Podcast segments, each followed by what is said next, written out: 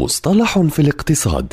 في كل حلقة يطرح المدون وصانع المحتوى الاقتصادي مجدي النوري مصطلحا اقتصاديا محددا بلغة سهلة وبسيطة.